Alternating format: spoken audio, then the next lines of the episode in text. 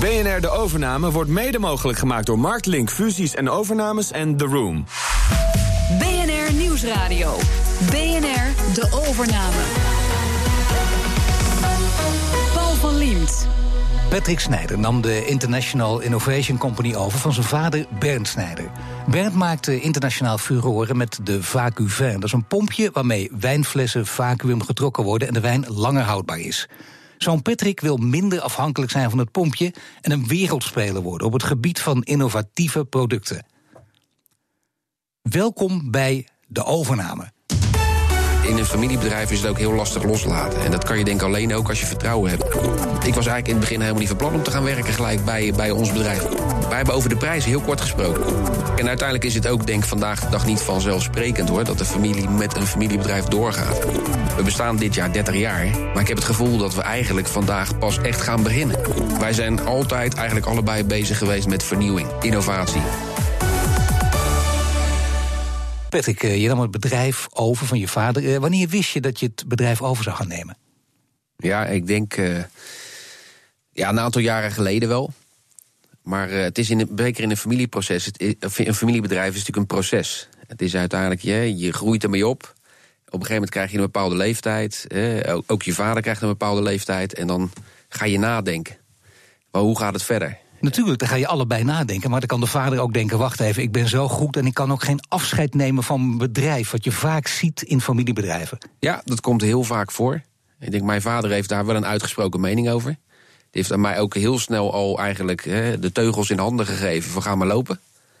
En uh, je merkt inderdaad dat bij een hoop familiebedrijven daar iemand te lang blijft zitten. Waardoor het ook een probleem kan worden voor de familie. Maar was het bij jullie zo dat je vader ook in jou de gedroomde opvolger zag? Uh, ja, ik denk het wel. Ik denk het wel, ja. Dat, uh, we hebben heel lang samengewerkt. Maar je denkt het wel, je wil het toch graag zeker weten? Nee, hij heeft altijd veel vertrouwen gehad in mij. Ja. Want ik denk, kijk, het is, in een familiebedrijf is het ook heel lastig loslaten. En dat kan je denk alleen ook als je vertrouwen hebt. En hij heeft ook heel vaak zijn vertrouwen uitgesproken naar mij. Nu kun je dan gaan twijfelen. Dat doet hij dan, want je bent toch een zoon en dat blijft bij familie lastig. Het is namelijk heel lastig om, om niet het vertrouwen in je zoon uit te spreken. Klopt. Klopt, maar ja, aan de andere kant, je bent als, hè, als zeg maar, oprichter van een familiebedrijf, zit wel alles, je hebben en houden zit in het bedrijf. Je pensioen is het. Kijk, nou, laten we eens kijken hoe, hoe, Ja, je pensioen is het. Dus het gaat echt letterlijk ook over centjes. Het gaat ook over geld. Dus als hij het bedrijf gaat verkopen en hij verkoopt het aan jou, dan denkt hij, ja, misschien krijg ik er wel minder geld voor dan van een externe partij. Speelde dat ook een rol? Uh, dat speelt natuurlijk een rol. Natuurlijk speelt dat een rol, ook omdat ik ook nog een broer heb. Die is niet meegegaan in de overname. Dus ja, dan moet je ook een eerlijke prijs hanteren. En, en daar hebben we ook eigenlijk. Wij hebben over de prijs heel kort gesproken. Omdat we allebei vonden: dit is het waard. En daar, dat moet het vertrekpunt zijn. Dat hebben, jullie, dat hebben jullie dat traject nog zonder externe adviseurs afgehandeld? Ja, daar waren we eigenlijk al uit. Alleen het hele proces hebben we wel toen uiteindelijk door Marklink laten begeleiden. Om uiteindelijk toch, ja, je, wij doen dat niet. Hè? Het is uh, één keer in de zoveel jaar ga je, erbij, ga je over dat soort dingen nadenken. En voor ons, uh, ik ben generatie 2, dus het was nog nooit gebeurd. Maar jullie waren er snel uit. Betekent dat jouw vader en jij? Of speelde jouw broer er ook nog een rol in? Uh, nou, voornamelijk mijn vader en ik omdat het uiteindelijk gaat, ja, een eerlijke prijs. We hebben, dat, we hebben natuurlijk wel eens ook eens gesproken met andere partijen. We hebben hè, mensen over de vloer gehad. Ja, je, wat is iets waard? Dat is, hè, daar zijn de meningen altijd over verdeeld. Maar je wil ook in de familie geen onrust hebben over zo'n prijs. Nee, juist niet in de familie. Nee, allicht niet. Ik bedoel, dat zijn natuurlijk de momenten waarop de grote ruzie kan ontstaan. Het ging zo leuk tot het over geld ging. Ja, en dat, dat, ja, dat blijft natuurlijk altijd moeilijk. Want kijk, ja. als het opeens een succes wordt, dan, dan weet je nooit hoe de, de rest van de familie reageert. Ik heb gelukkig maar één broer. Maar er zijn natuurlijk ook familiebedrijven die hebben te maken met vijf of zes verschillende kinderen. Ja, dan, dat, ik, die verhalen die hoor je natuurlijk altijd. In jullie geval was het vrij duidelijk. Jij was degene die wilde ondernemen, jouw broer niet. Jij was degene die de risico's wilde nemen, dus jij was ook de gedoodverfde opvolger. Ja, ja. Zo simpel was het ook. Ja. Kijk, en uiteindelijk is het ook, denk ik, vandaag de dag niet vanzelfsprekend hoor, dat de familie met een familiebedrijf doorgaat. Kijk, uh, maar ik vind, het, ik vind het leuk om te doen. Een overname neemt tijd in beslag. Hè? Daar kun je een tijdje mee bezig zijn. Hoe is het in jullie geval gegaan? Um, ik denk dat het proces een beetje op gang kwam toen mijn vader op een gegeven moment ook iets gezondheidsklachten had. Dat je denkt van hé, hey, je wordt geconfronteerd met het feit dat je misschien toch hè, rekening moet houden met bepaalde zaken. Mag ik weten dan hoe oud is jouw vader? Hij is dit jaar 65 geworden. Ja. En ik, ik net 42. Dus je, je zit ook op een punt dat je zegt van ja, Het, is, het is ook wat dat betreft qua leeftijd wel een mooi moment om het stokje over te nemen. Kijk, uiteindelijk ga je ook nadenken dan van ja, hoe ga, hoe ga je verder? Ook, want het pensioen zit erin en al dat, al dat soort dingen komen samen. Kijk, een familiebedrijf blijft altijd natuurlijk een beetje eh, met elkaar verweven. Uiteindelijk, hij, hij financiert ook nog een stukje van de overname. Dus hij is ook nog steeds ook afhankelijk van mij. Ik, ik eigenlijk min of meer van hem. Het is niet, zoals denk ik in de meeste gevallen... en misschien andere bedrijven die straks voorbij komen in het overnameproces... daar is het misschien echt een, een knip en we gaan door. Hebben jullie bewust ook hiervoor gekozen dat je van elkaar afhankelijk blijft? Ja, uiteindelijk is het zo dat. Ik denk ook in een familie. Mijn vader wilde mij niet opzadelen met bijvoorbeeld het onroerend goed. Want dat is vandaag de dag heel lastig te financieren. En eh, dan ga je uiteindelijk natuurlijk altijd nadenken van wat is het belangrijkste voor het bedrijf en wat is het belangrijkste voor de toekomst van het bedrijf. En ja, je hebt een verantwoordelijkheid naar je mensen. Je, het is eigenlijk een, een best een complex proces. Waar je uiteindelijk natuurlijk eerlijk moet kijken wat is het beste. Laten we het even onderscheiden van elkaar. Want eh, je zegt zelf al, onroerend goed is een ander deel. Dat deel van het bedrijf heb je dus bewust niet overgenomen. Dat blijft van je vader. Ja. Heeft allemaal te maken natuurlijk ook met het enorme risico van, van de swaps die hij is aangegaan. Ja. Ik neem aan dat hij boos is op de bank, of niet? Eh, ja, dat, dat gaat ook niet 1, 2, 3 over, denk ik. Ja. Uiteindelijk zie je ook dat die banken natuurlijk daar heel ja, oneerlijk mee omgaan. Die ook dat proces rekken, die eigenlijk de schade niet erkennen. Nou, de loopt een procedure, gaat in januari beginnen. Maar je merkt ook dat inderdaad ook van het, de overnamesom die ik, die ik eigenlijk betaald heb... is een hoop geld weer naar de bank gegaan. En die banken hebben ook een veel langere adem uiteindelijk. Dus jouw vader heeft daar wel verstandig aan gedaan... om jou daar niet mee op te zadelen. Ja, en uiteindelijk is hij natuurlijk van de week in ieder geval losgekomen van de bank. Dus hij heeft een nieuwe bank gevonden. Maar je merkt uiteindelijk dat inderdaad, het is, het is een smerig spelletje. Nou moet je natuurlijk eh, dat spelletje, dat kun je niet winnen. Dat kun je uiteindelijk niet gaan winnen, omdat de bank groter is. En eh, wat ik al zei, de langste adem heeft, dat weet je ook. Dus het zal nooit in jouw hoofd opkomen, hoe het ook eh, afloopt... om de, onroer, de onroerend goedtak over te nemen. Nou, kijk, op termijn zal dat. Dan, in, het is een proces, hè. Kijk, het, het houdt een keer op, de eerste generatie. En dan komt, dan komt het vanzelf. Kijk, alleen je moet daar heel goed bij stilstaan. En kijk, ik heb wel de afgelopen jaren geleerd. Hoe je uiteindelijk toch een beetje moet oppassen. om alles bij één partij onder te brengen. En hoe heb je dat geleerd? Doordat je gewoon regelrecht keihard geconfronteerd wordt met, met een manier van werken. die eh, in ieder geval binnen ons bedrijf niet past. Jij bent in jouw bedrijf, dat is ook heel erg belangrijk... eh, al heel lang op een directeursfunctie actief. Je bent al heel lang eh, baas, simpel gezegd, van een bedrijf. Ja, ik denk al ruim tien jaar. Ja. En wat betekent dat? Ik bedoel dat het in de loop der jaren bij jou steeds meer gegroeid is. Ik wil het ook gaan overnemen. Dit is mijn bedrijf. Ja, ja kijk, ik ga iedere dag met plezier naar mijn werk. En dat, dat, dat is denk ik het belangrijkste. En, en het leuke is, ik heb het gevoel, we bestaan dit jaar 30 jaar. Maar ik heb het gevoel dat we eigenlijk vandaag pas echt gaan beginnen. En hoe komt dat? Door eigenlijk de plannen die ik heb. Eh, door uiteindelijk, hè, ik ben begonnen ook met, met Dutch Creative Brands. Dat is eigenlijk een overkoepelend merk. Waar ik Vacuven en ons nieuwe merk Tomorrow's Kitchen onder heb gekoppeld. En ik ben op zoek eigenlijk naar uitbreiding daar. Ik, Dat ik- betekent, eh, wat je nu doet, eh, dat is niet het enige. Die Vacuvin, daar ben je bekend van. Daar Ja. ben je mee begonnen, is jouw vader mee begonnen. Zodat je bijvoorbeeld eh, drie flessen wijn gelijktijdig kan openmaken. En alle drie, daar komt het eigenlijk toch op neer. Hè? Dat, dat is ook het Ja, idee erachter. Ja. En dan kun je ze toch vers houden, om het zo maar eens te zeggen. Ja, kijk, dat is één van onze producten. Maar vandaag de dag hebben wij binnen Vacuven, denk ik, bijna 200 producten. En bij Tomorrow's Kitchen zitten we ook al op de 100 of 150. Ja, het betekent wel dat jouw vader ook altijd tegen jou gezegd heeft... zorg dat je uitbreidt, of zit dat meer in jou dan in je vader? Wij zijn altijd eigenlijk allebei bezig geweest met vernieuwing, innovatie, nieuwe dingen doen, buiten de gebaande paden lopen. We zijn dan ook, we zijn een raar bedrijf, want wij, wij, hebben een hele ontwikkelafdeling en we doen alles. We doen het van, van het ontwikkelen tot zeg maar het produceren. We hebben een werkplaats met, met mensen met een arbeidsbeperking. Die, dus is hij 30 jaar geleden mee begonnen. Nou, de participatiewet speelt nu. Eh, ook daar liepen Ja. we voor. Kijk, en zo zie je dat dat proces zorgt ervoor dat je uiteindelijk ook interessant bent voor, voor retailers. Maar wij ontwikkelen tegenwoordig ook producten voor hele andere bedrijven. Daar komt helemaal ons merknaam niet op staan. Maar dat betekent dat je er zo bij betrokken bent... dat het dus voor de hand lag dat je het ging overnemen... of waren er toch altijd andere kapers op de kust? Zijn er anderen geweest die dachten, wacht even... of, of misschien wel van jouw vader gedacht heeft... dit is een kans hebben om het ook over te nemen? Nee, ik geloof niet dat we daar uh, bij stilgestaan hebben. Nee, ik was wel in het proces ging het eigenlijk, ja. Het is een puzzel die je eigenlijk neerlegt. En die puzzelstukjes vallen op een gegeven moment gewoon op zijn plaats. Ik was eigenlijk in het begin helemaal niet van plan om te gaan werken gelijk bij, bij ons bedrijf. Wat had je dan gewild? Maar ik was klaar met mijn studie. Ik dacht van joh, ik ga eerst het buiten spelen. Dat was eigenlijk eh, het gevoel. Maar... Dat is geen gek idee toch ook? Wel heel leuk toch om buiten te spelen? Ja, nee, klopt. Maar uiteindelijk was het wel zo dat toen zei iemand anders eigenlijk tegen mijn vader. Want er was toevallig een, een rol vrij in, in zeg maar de verkoop in Europa. En die zei, was dat niks voor Patrick? En toen dacht ik, ja, joh, waarom niet eigenlijk? Joh, eh, ja, ik, ik kan gaan zoeken, maar laat ik. Er is geen bedrijf wat lijkt op ons bedrijf. Dus ik denk, joh, ik had al ervaring opgedaan bij distributeurs van ons. En ik denk van ja, ik ga gewoon beginnen. En je hebt het altijd ook gezien van jouw vader, wat het inhield, dit werk. En toen je ja zei tegen deze functie, wist je wel dat dit veel reizen zou worden ook. Veel van huis weg zou zijn. Ja, klopt. Maar kijk, dat, is, dat, dat maakt het ook weer spannend. Landen ingaan waar je nog nooit geweest bent. En culturen ontdekken. En, hè, of het nou Japan of China is, of, of juist Zuid-Amerika. Het is leuk om te zien wat er in de wereld gebeurt het was duidelijk in al die jaren, en het blijkt dat jouw enthousiasme ook en gedrevenheid, hè, dat je dit wilde blijven doen. Maar toch, stel dat er iemand was geweest voor zijn overname en die had gewoon het dubbele geboden. Was jouw vader dan de keiharde zakenman geweest die had gezegd: uh, Ja, sorry Patrick, maar uh, dit is toch een betere kandidaat, dat zul jij wel begrijpen ook? Nou, ik denk dat je dan, ja, in, in, principe moet je daar eerlijk over zijn. Kijk, ik denk als iemand het dubbel had geboden, dan, ja. ja dan, dan zou die stom zijn als hij het niet gedaan had. Ja.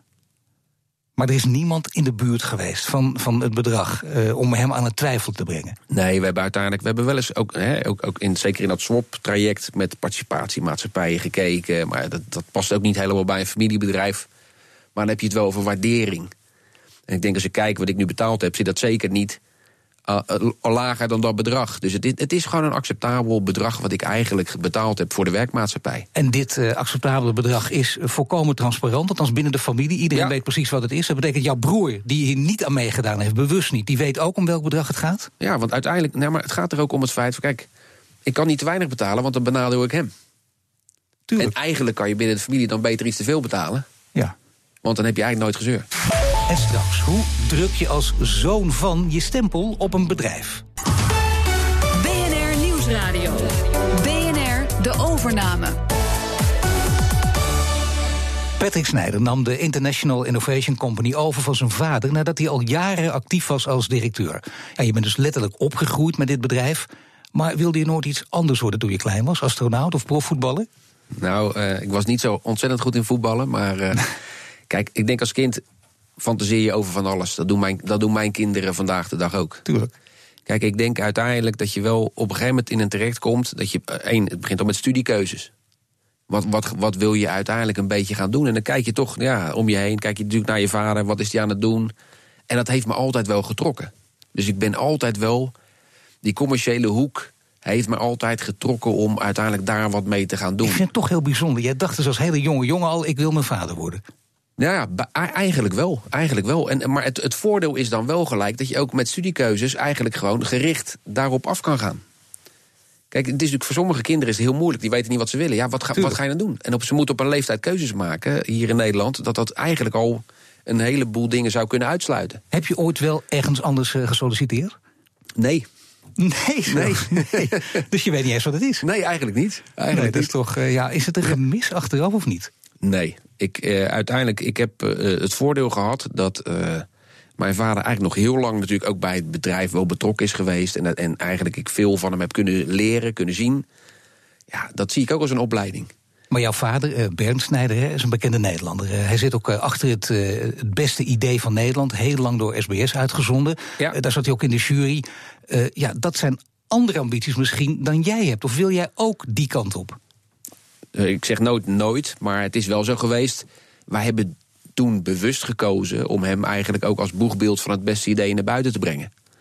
Die zegt van ja, laten we die taken scheiden van elkaar. Anders ben je eigenlijk weer te veel met andere dingen bezig dan de business. Maar als ik jou hoor praten, ik heb je ook even hiervoor eh, gesproken, dan denk ik, nou, die man die kan het ook wel. Die heeft misschien ook die ambitie wel om naar buiten te treden. Ja, dat gaan we. Je durft brutaal ja. te zijn, je durft wel wat, maar helpt dat, helpt dat je bedrijf? Ja, ik denk het wel. Ik denk het wel. Uiteindelijk, het gaat erom dat, ja, rumoer hè, om je bedrijf is altijd goed. En het liefst dan in de positieve zin. Maar zullen we even hardop denken, wat zou je dan kunnen doen? Eh, het beste idee van Nederland, dat is voorbij, dus je zult iets anders moeten doen. Terwijl jullie ook een ontwikkelpoot hebben in het bedrijf. Ja, dus ik, ik ben eigenlijk ook bezig met een, een, een nieuw platform op te zetten. En wat is dat? Eigenlijk ook op basis van innovatie en, en, en dingen doen. Hè. Het is best, zeg even het beste idee van Nederland 2.0. Ja, en wie gaat het uitzenden? Uh, de vraag is zelfs of het uitgezonden moet worden. Maar wordt het bijvoorbeeld op een uh, YouTube-kanaal dan gebracht? Dat nou ja, je dat kijk, toch naar buiten brengt? Kijk, je gaat, je gaat natuurlijk ook... Hè, de tijd gaat ook door. En uh, kijk, een televisieprogramma is natuurlijk fantastisch... om het uiteindelijk een, een stukje bekendheid te brengen. Maar het is, het is geen noodzakelijk iets jullie hebben een hechte band, een hechte familie. Je woont eh, in de buurt van je, in dezelfde straat, geloof ik. En naast je broer, je vader, twee huizen verderop. Dat is eh, ongeveer het idee. Zo dichtbij zit je bij elkaar. Ja, en, 500 meter van de zaak. Nou zijn er mensen die kunnen denken: het is hartstikke leuk, maar het, het kan ook heel benauwend zijn. Ja, ja, klopt. Maar ja, aan de andere kant, ja, we lopen niet de deur plat bij elkaar. Hè? Soms weet ik ook niet of de buren thuis zijn toch is nee, dat niet. Maar als je dicht bij elkaar woont, betekent dat je dus eh, werk en privé voortdurend door elkaar gaat lopen. Kijk, uiteindelijk bij een familiebedrijf, tuurlijk probeer je dat een beetje te scheiden. Maar je gaat het nooit voorkomen dat je op, een verjaardag zit en het opeens over de zaak hebt. Dat, dat werkt zo niet. Sterker nog, vroeger waar gingen we op vrijdagavond gewoon uit eten? Dan hadden we het overal over. Behalve over de zaak. Nou ook. Ja, nee, ook, ja. Zeker op het eind natuurlijk. Nou heb je natuurlijk uh, met je vader veel gesproken. En je hebt het bedrijf je vader overgenomen. Jij wilde ook nooit anders dan dat. Ja. Maar je vader uh, werd 65 en, en werd ook ziek. Dat heeft er ook mee te maken. Wat heeft hij precies? Ja, hij is op, op een gegeven moment geconfronteerd met prostaatkanker. En dan ga je uiteindelijk wel nadenken over, ja, uh, heb ik het eeuwige leven? Ja, dat, de, dat denkt iedereen altijd, maar dat hoeft niet. Kijk, en ik, ik, dat zijn dingen, dat, dat, dat, dat is iets dat zit in je lichaam. En ja, daar moet je rekening mee houden. En uiteindelijk was het op een gegeven moment weg. Maar ja, dat weet je ook niet altijd hoe dat zit. Nou lijkt jouw vader mij wel een man, als dit niet gebeurd was... die toch uh, tot de laatste snik, misschien wel tot die 80 of 90 wordt... gewoon als baas van bedrijf door wilde gaan. Of heb ik het mis? Nee, dat, dat, dat, zo komt hij misschien over... maar dat is eigenlijk totaal de andere kant op. Kijk, ik denk als je gaat kijken, van hij heeft al heel snel, toen ik eigenlijk binnen was, ja, ik ben begonnen zeg maar in die verkoop. Ja, dan moet je keuzes maken, want het, het, het, stippellijntje stond natuurlijk naar een bepaalde stoel. En toen heb ik ook op een gegeven moment besproken. Ik zeg, ja, ik wil, ben nu taak aan het overnemen van mensen, maar eigenlijk straks moet ik ze weer teruggeven. En toen heeft hij gezegd, je hebt gelijk, ga maar zitten op die stoel en we gaan gewoon draaien. En toen heeft hij het ook losgelaten. En toen hebben we ook keuzes gemaakt door bijvoorbeeld uh, onze, uh, een Amerikaanse distributeur. Die hebben we toen overgenomen omdat die markt voor ons heel belangrijk was. Dat heeft hij eigenlijk goed gevonden omdat ik eigenlijk doorging met het bedrijf. Als ik dat niet had gedaan, had hij waarschijnlijk gezegd: ja, laten we dat niet doen. Joh, dat, dat is niet zo noodzakelijk. Alleen voor de toekomst van de onderneming ga je dan toch weer anders kijken uiteindelijk was het dus logisch dat jouw vader, ook al was hij niet getroffen door prostaatkanker, dat hij toch rond zijn 65ste in ieder geval veel taken had overgedragen aan jou. Kijk, ik denk zeker bij het opbouwen van een bedrijf, dan maak je ook tropenjaren. En ik denk dat het goed is ook dat je in een andere fase van je leven op een gegeven moment komt. En dat je, ja, hè, dat je uiteindelijk ook een stukje gaat genieten. Natuurlijk, maar hij blijft wel aan. Hè. Het is niet dat hij, dat hij hier weggaat. Hij blijft aan. Hij blijft dus over je schouder meekijken.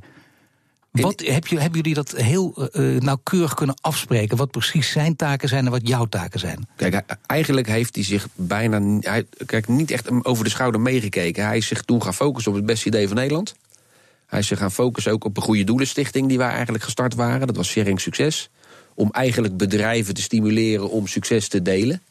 Ook bewust succes, want als je geen succes hebt, dan moet je ook niets weggeven. dat, dat, is in ieder geval zoals een familiebedrijf ermee omgaat.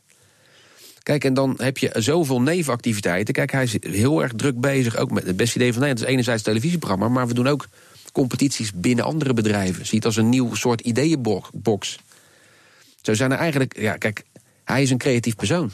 Dus maar ik bedoel, eigenlijk zijn er ooit beslissingen waar eh, het heel lastig is wie uiteindelijk de knoop door moet hakken. Jij of je vader? Nee. In principe hak ik de knopen door. Tenzij je uiteindelijk het hebt over forse investeringen. die natuurlijk van invloed zijn. Ja, dan heb je daar overleg, hadden we daar overleg over. Maar kijk, nu begint natuurlijk eigenlijk fase 2. Nou hebben we het uh, uh, over je broer gehad in die fase 2. Hè? Die, jouw broer speelt geen enkele rol meer. Jouw vader dus op de achtergrond blijft nog een rol spelen, maar nooit Ja. een beslissende. Ja. Maar ik ben ook toch erg geïnteresseerd nog in die broer. Want uh, ja, die kan ook denken, mijn vingers jeuken. Ik ben ook een beetje ondernemer. Of heeft hij dat totaal niet in zich? Nou, kijk, hij, hij is, hij is een, een creatieveling.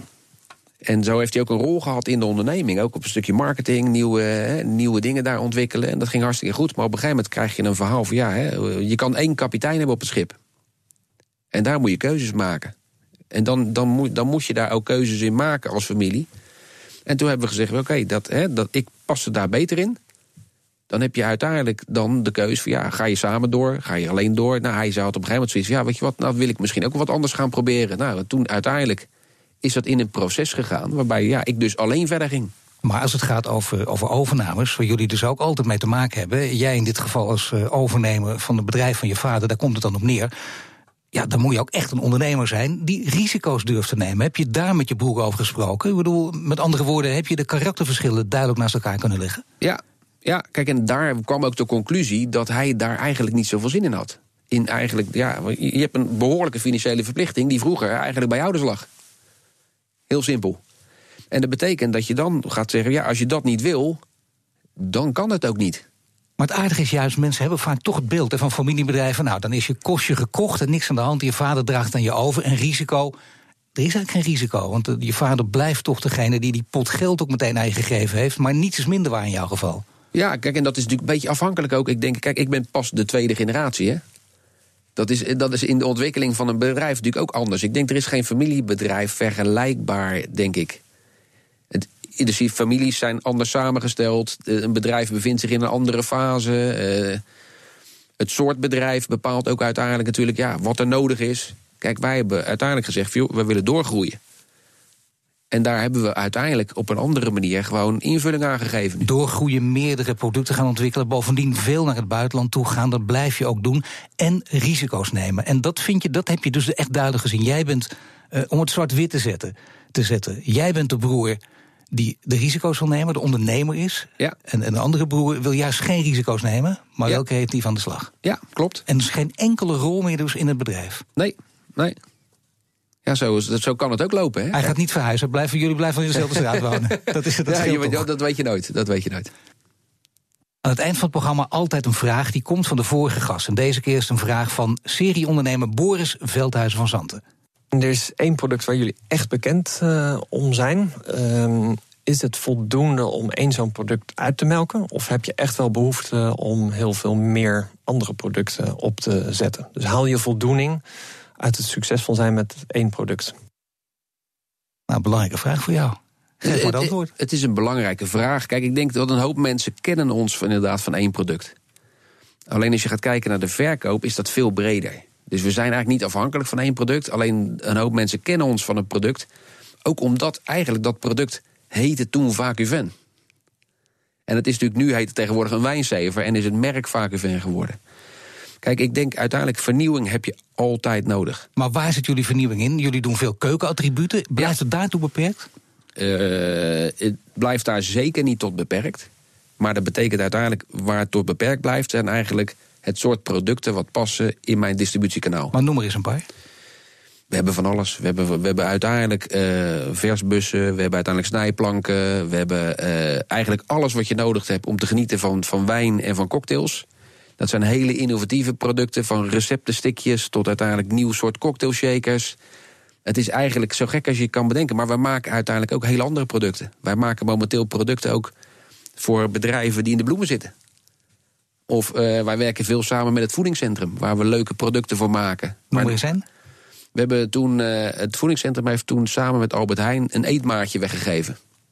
Om eigenlijk het portioneren, de consument meer te laten portioneren. Want van pasta en van rijst en dergelijke, daar maakt iedereen te veel klaar. Dat product hebben wij ontwikkeld voor ze, geleverd, geproduceerd, maar daar staat ons merknaam niet op. Nou, dat is jouw antwoord op deze vraag. Uh, mag jij nu een vraag stellen aan Jeroen Verbergen? Zijn bedrijf Hippo, dat werd onlangs overgenomen door Bloomreach, softwarebedrijf. En uh, jij mag de vraag aan hem stellen. Oké. Okay. Uh, beste Jeroen, ik vroeg me af. Jij bent nu een, een, nieuwe fase eigenlijk aan het ingaan met een Amerikaans bedrijf. Je ziel en zaligheid zit in de oprichting van het bedrijf. hoe ga jij straks eigenlijk afstand nemen van dat traject? Want zeker met een Amerikaans bedrijf zou het best eens kunnen dat de, eigenlijk de klik niet past. En wat dan? Als je zegt van jongens, ik heb uiteindelijk die stap gezet, de samenwerking gaat niet goed en hij moet zijn kindje loslaten. Ik dank je voor dit gesprek. En dit was de overname. U kunt deze uitzending ook beluisteren via bnr.nl/slash overname. En tot volgende week. BNR De Overname wordt mede mogelijk gemaakt door Virtual Volts en Marktlink Fusies en Overnames.